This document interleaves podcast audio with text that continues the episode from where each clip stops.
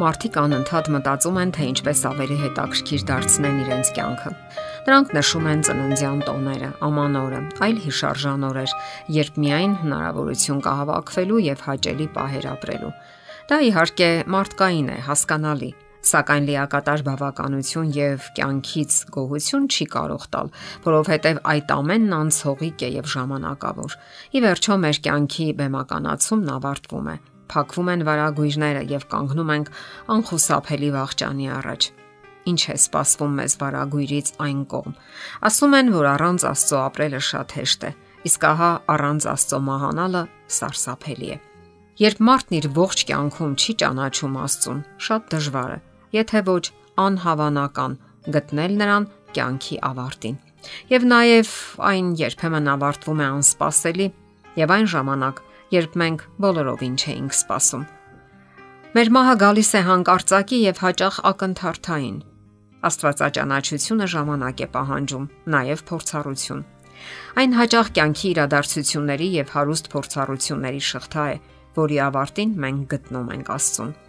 Այդ խիստ եզակի փորձառությունը յուրաքանչյուրի կյանքում յուրովի է դրսևորվում եւ այն ամենայնիվ կան սկզբունքներ եւ ընդհանուր մոտեցումներ, որոնք օգնում են գտնելու Աստծուն։ Դա նման է ծնողին գտնելուն, այնպես ինչպես երեխաներն են մղվում դեպի իրենց ծնողները, այլ կերպ դա չի կարող լինել։ Ահա այդ նույն ձևով բոլոր մարդիկ կարող են մղվել դեպի իրենց երկնային ծնողը, իրենց արարող Տերը։ Սակայն մարդկային կյանքը այլ բան է ցույց տալիս։ Շատ մարդկանց ողջ կյանքը պայքար է Աստծո դեմ։ Շատերը մահանում են իրենց անհավատության մեջ, այդպես էլ չճանաչելով եւ ցանկություն անգամ չունենալով ճանաչել Աստծուն։ Քչերն են, որ ճանաչելով մեղավոր կյանքի դառնությունները կարող են Աստվածաշնչյան անառակ ворթու նման բացականչել։ Վեր կենամ, գնամ իմ հոր մոտ եւ նրան ասեմ. Հայր, մեղանչեցի երկնքի դեմ եւ քո առաջ։ Առաջին հայացքից ամեն ինչ շատ հեշտ է թվում։ Գնում եմ եւ վերջ։ Սակայն այդ ճանապարհին սատանան որոգայթներ է լարում։ Նա հազար ու մի հարցեր է առաջադրում կասկածներ ու փորձություններ։ Ինչպես պաշտպանվել դրանցից։ Պարզվում է, մենք միայն ակ չենք այդ կասկածների մեջ։ Աստված նամակ է ուղարկել իր զավակներին։ Պատահել է, որ դուք սրտի թրթիռով սпасել եք որևէ հերուտեղից նամակի կամ parzapes լուրի։ Անկասկած բոլորս էլ ունեցել ենք այդ փորձառությունը Հետո մենք անհամբերությամբ բացում ենք նամակն ու ուրشادիր կարդում, parzapes կլանելով յուրաքանչյուր միտքը։ Ինչ հրաշալի է նման ուրախ լուր ստանալ հերավոր հարազատներից, բանակից կամ որևէ հերավոր երկրից։ Եվ ողջվում է, որ նման մի աստվածային նամակ էլ ունենք հերավոր երկինքներից։ Դա Աստծո խոսքն է։ Աշխարհների արարիչը սիրով գրել է այդ նամակը մարդկությանը եւ դա իր մոտ գալու հրավեր է եկեք ինձ մոտ։ Վերադարձեք ձեզ արարող Աստծո մոտ։ Այս է նամակի հիմնական կոչը։ Այնտեղ գրված են մեր բոլոր հարցերի պատասխանները, եւ եթե կարդանք, մեր կյանքում ամեն ինչ ուրիշ կլինի։ Սակայն ամեն ինչ սկզբից։ Այդ ամենը սկսվեց Եդեմական այգում։ Աստված արարեց մարդուն ոչ թե որպես ռոբոտ, որ ծրագրավորված է հնազանդության համար, այլ որպես սիրելի որդի, որպիսի հավերժ ապրի իր հետ այնքան ժամանակ, քանի դեռ մեր նախածնողներն ապրում էին Աստծո հետ, հնազանդությունը նրանց առավելությունն էր եւ փառաբանության փորձառությունը։ Սակայն ստացվեց այնպես, որ Ադամն ու Եվան չհնազանդվեցին Աստծուն եւ մեղք գործեցին։ Նրանք ճաշակեցին արգելված պտուղը։ Ահա թե երբ մեղավորության բեռը ծանրացավ մարդու վրա, այնքան որ հարկադրեց նրան փախչել ու հեռանալ Աստծուց։ Մարդուն թվում էր, թե մի նոր, ավելի հետաքրքիր փորձառություն է ապրելու Աստծուց հեռու։ Սակայն նա սարսափով նկատեց, որ որքան հեռանում է Աստծուց, այնքան ավելի է վատթարանում իր վիճակը։ Իսկ Աստված հրաշալի գիտեր դա եւ անգամ պատրաստ էր այդ անհնազանդությանը։ Եվ արդեն Եդեմական այգում նա կանչեց մարդուն. Ադամ, որտեղ ես։ Որտեղ ես, զավակս եւ այդ օրվանից սկսվեցին մարդկային թափառումները եւ փախուստը արարիչ Աստծուց։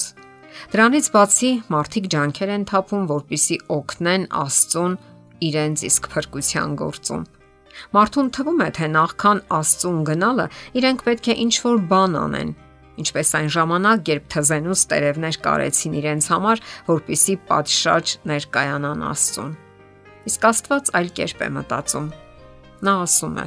Եկեք ինձ մոտ այնպիսին, ինչպիսին կաք, ձեր արատներով, թերություններով ու մեղքերով։ Նրա ցանկությունն այն էր, որ գնանք։ Մնացածը իր գործն է։ Մենք շատ պատմություններ գիտենք այն մասին, թե ինչպես մեղավոր մարդիկ գնում են Աստծո մոտ իրենց մեղքերով եւ վերադառնում են ապակինված ու նրա շնորհի մեջ։ Գնում էին անառակներն ու մաքսավորները, հպարտներն ու բորոտները, գույրերն ու անթամալույսները։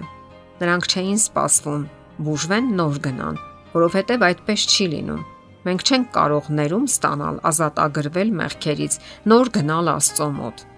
Դա կարող է անել միայն Աստված։ Իսկ մեզանից պահանջվում է գնալ,